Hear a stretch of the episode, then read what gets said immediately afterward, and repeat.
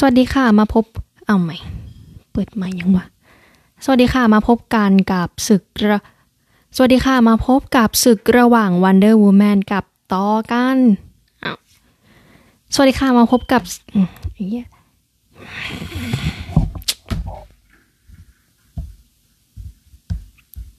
เอาใหม่สวัสดีค่ะมาพบกับศึกระหว่าง Wonder Woman กับต่อ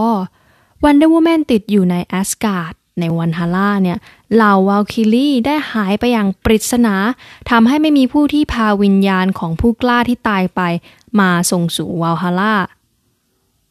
มาส่งสู่ Valhalla Wonder Woman ก็ต้องสืบหาต้นตอว่าเกิดจากอะไรกัน แล้วเธอก็ได้ประชันหน้ากับ แล้วเธอก็ได้ประชันหน้ากับตอเทพเจ้าสายฟ้าซึ่ง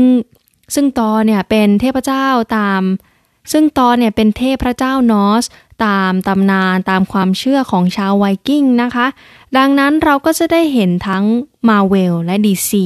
นำเอาเทพเจ้าสายฟ้าเนี่ยไปดัดแปลงเป็นเวอร์ชั่นของตัวเอง และเขาก็จะมีค้อนประจำตัวที่ชื่อว่าค้อนโยเนียทางฝั่งมาเวลเราอาจจะคุ้นเคยกันนะว่าผู้ที่ยกค้อนได้เนี่ยจะต้องเป็นผู้กล้าจิตใจแข็งแกร่งผู้ที่คู่ควร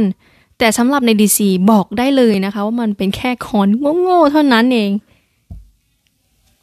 รวมถึงตัวของตอในเวอร์ชัน DC เนี่ยทั้งยิงเห็นแก่ตัวดูถูกคนอื่น แถมขี้เมาด้วยนะ ไม่มีอะไรดีสักอย่าง พอ Wonder Woman เข้าไปขอความช่วยเหลือเนี่ย เพื่อยับยั้ง Ragnarok ที่จะเพื่อยับยั้ง Ragnarok ที่จะเกิดขึ้นใน Asgard นะคะ แล้วก็ให้ช่วยตามหาเหล่า Valkyrie แต่ว่าเขาก็ให้เหตุผลว่าไม่อะตัวเองไม่ใช่ฮีโร่สักหน่อยนะ ฉันนะคือพระเจ้าโว้ย เหตุผลที่ Wonder Woman เราต้องมาติดแงกในแอสการ์ดเนี่ยก็เพราะว่าเธอสูญเสียความทรงจำไปจากอีเวนต์ Dark Nights Metal ค่ะ ซึ่งอีเวนต์เนี้ยเนี่ยบอกเลยว่าสนุกมาก ซึ่งอีเวนต์เนี้ยนะบอกเลยว่าสนุกมาก ถ้าคุณเป็นแฟน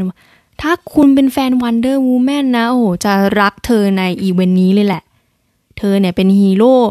เธอเป็นฮีโร่ของผู้ เธอเป็นฮีโร่ผู้กอบกู้จักรวาลเลยทีเดียว พอมาอยู่ใน Valhalla ก็พบเจอกับปัญหาว่า Ragnarok เนี่ยจะมาเยือนแอสการ์ดใช่ไหม แล้วเธอก็จำเป็นต้องฟาด แล้วเธอก็จะต้องแก้ปัญหาเพื่อช่วยเหลือคนในแอสการ์ด แล้วเธอก็ต้อง แล้วเธอก็ต้อง แล้วเธอก็ต้องช่วยเขาแก้ปัญหานู่นนี่นั่นไปเรื่อยนะคะ จนกระทั่งไปถึง Valkyrie Fortress จนได้รู้ว่าเหล่า Valkyrie เนี่ย ไม่ได้หายไปไหนหรอก แค่หยุดพาวิญญาณมาส่ง เพราะว่าพวกเธอเนี่ยเบื่อ ขอลาออกจากการเป็น Valkyrie ละกันก็แค่นั้นแหละแอสการ์ดจะเป็นยังไงก็ช่างปะไรพอแล้วล่ะ เลิก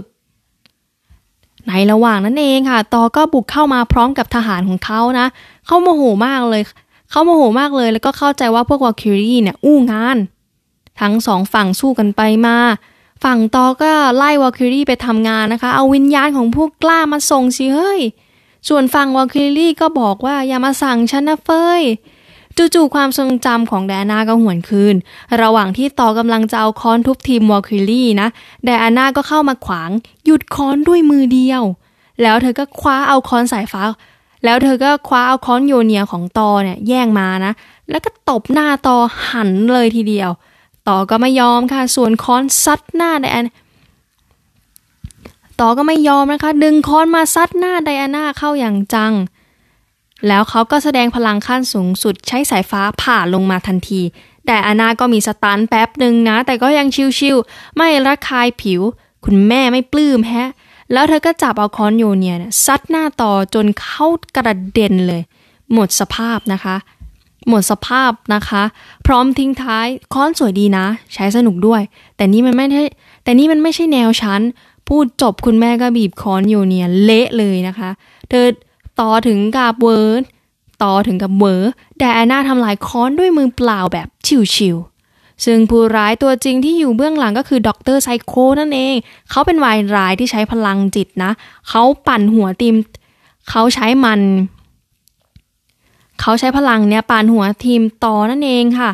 พลังนั้นอะมันดึงเอาด้านลบในตัวต่อออกมาจากต่อเนี่ยที่กลายจากที่เขาเนี่ยเป็นคนไม่ดีอยู่แล้วนะ เจอพลังของ Doctor Psycho เข้าไปเนี่ยเรียกว่า อืมห่วยเลยล่ะนะ สุดท้ายเหล่าเทพเจ้าก็มีข้อยุติตกลงกันนะคะ ให้เหล่า Valkyrie มีวันหยุดนะ แล้วผู้กล้าก็หยุดรบสู้การสักวันละกัน อารมณ์เหมือนวันหยุดสัก อารมณ์เหมือนทำงานมาทั้งสัปดาห์แล้วก็มีวันหยุดศุกร์เสาร์อาทิตย์ยังไง อารมณ์เหมือนทำงานมาทั้งสัปดาห์เนาะแล้วก็มีวันหยุดศุกร์เสาร์อาทิตย์อะไรอย่างเงี้ย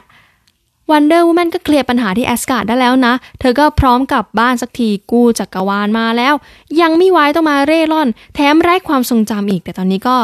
ความทรงจำหวนคืนมาแล้วนะ แต่แน่นอนค่ะว่ามันก็จะต้องมีอุปสรรคตามมาในอนาคตชัวร์ชัวร์เลยนะ เป็นยังไงกันบ้างคะสำหรับต่อในเวอร์ชันของ DC กับค้อนที่ไม่ได้เรื่องของเขานะคะ